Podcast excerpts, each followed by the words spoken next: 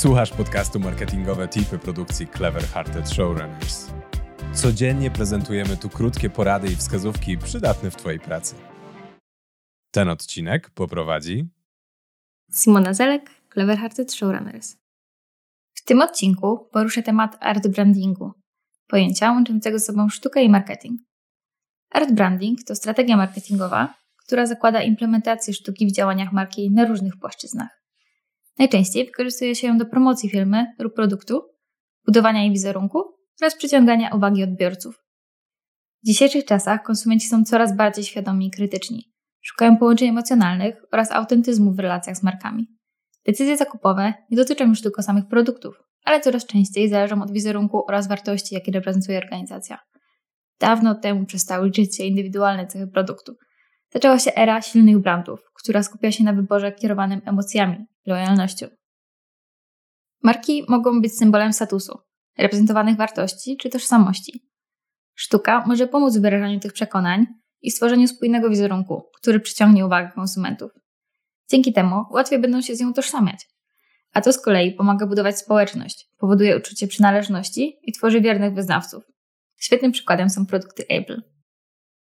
Dystansowanie się jednej grupy ludzi od drugiej może zatem okazać się korzystne dla marketerów i marek, ponieważ umożliwia skupienie się na konkretnych grupach klientów i zaoferowanie im produktów i usług, które spełniają ich oczekiwania.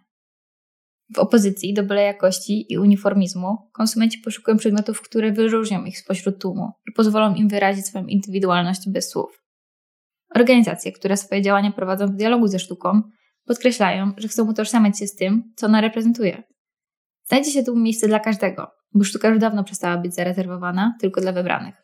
W erze cyfrowej globalizacji mam do niej nieograniczony dostęp. Przykłady marek, które wykorzystują rebranding, można wymieniać długo. Jednym z nich jest Absolut Wódka, która od lat wykorzystuje sztukę i design w swoich kampaniach reklamowych. Już w 1985 roku rozpoczęła serię limitowanych butelek zaprojektowanych przez znanych artystów, jak Andy Warhol, Kit Haring czy Stella McCartney. Wiele z tych kampanii reklamowych stało się kultowymi wspominane są do dziś, a marka Absolut została uznana za jedną z najbardziej kreatywnych i innowacyjnych w swojej branży. Obecnie kolekcja plac artystycznych stworzonych dla marki liczy ponad 800 obiektów, a podziwiać ją można w Spirit Muzeum w Sztokholmie. Marki coraz częściej występują w roli mecenasów czy kuratorów sztuki. W ramach strategii firmy często współpracują z artystami i sponsorują różne projekty, takie jak wystawy, konkursy, instalacje czy galerie.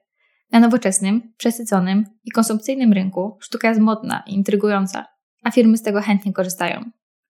Aby art branding rzeczywiście spełniał swoje zadanie, potrzebne jest zrozumienie wielu czynników i niuansów. Marki powinny być ostrożne przy wyborze artystów oraz dyscyplin artystycznych, ponieważ nie każdy artysta czy styl będzie pasował do charakteru danej firmy.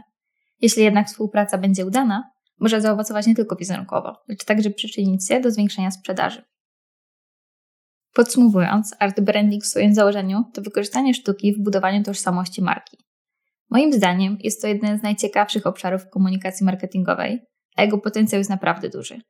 Charakter relacji sztuki z biznesem jest niedefiniowalny i jego granice są naprawdę szerokie. Od oczywistych działań, jak zaproszenie artystów do stworzenia identyfikacji wizualnych czy scenografii, poprzez eksperymentalne instalacje, pop-upy i performance.